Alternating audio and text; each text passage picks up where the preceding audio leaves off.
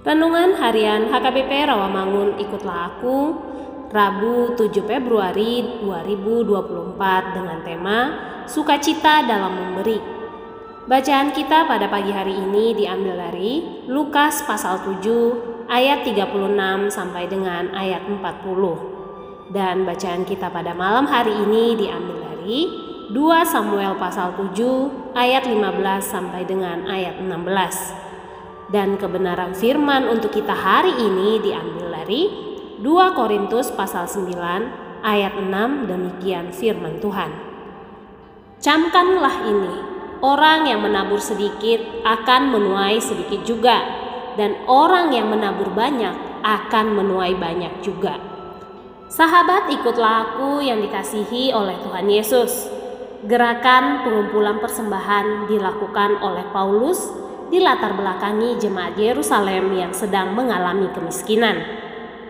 Pengumpulan dana ini sebagai ikatan kasih seiman di dalam Kristus Yesus bagi Paulus. Pengumpulan persembahan bagi orang-orang miskin di Yerusalem memiliki arti yang jauh lebih dalam lagi, tidak sekedar memberi. Jika seorang tidak menabur, maka ia tidak akan menuai. Jika seseorang menabur sedikit, ia akan menuai sedikit. Jika seseorang ingin menuai banyak, maka ia harus menabur lebih banyak lagi. Jika seorang petani mengolah satu hektar tanah, maka ia akan menuai dari satu hektar tanah. Jika seorang menabur kedagingan, maka ia akan menuai kebusukan yang dihasilkan kedagingan.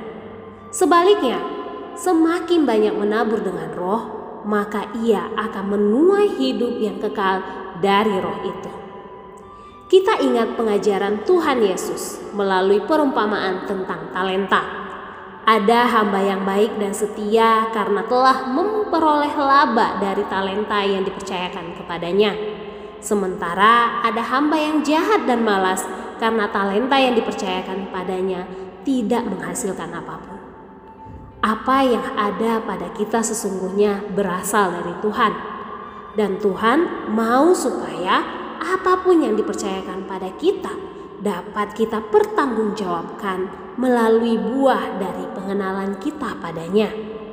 Jika benih yang diberikan Tuhan itu tidak menghasilkan buah, maka bagaimana mungkin kita akan menikmati buah dari kebaikan Tuhan? Selamat menabur kebaikan di dalam kehidupan kita. Tuhan memberkati dengan segala kelimpahan dan berkatnya. Amin. Marilah kita berdoa. Ya Tuhan Yesus Kristus, ajari kami untuk selalu bersyukur kepadamu. Amin.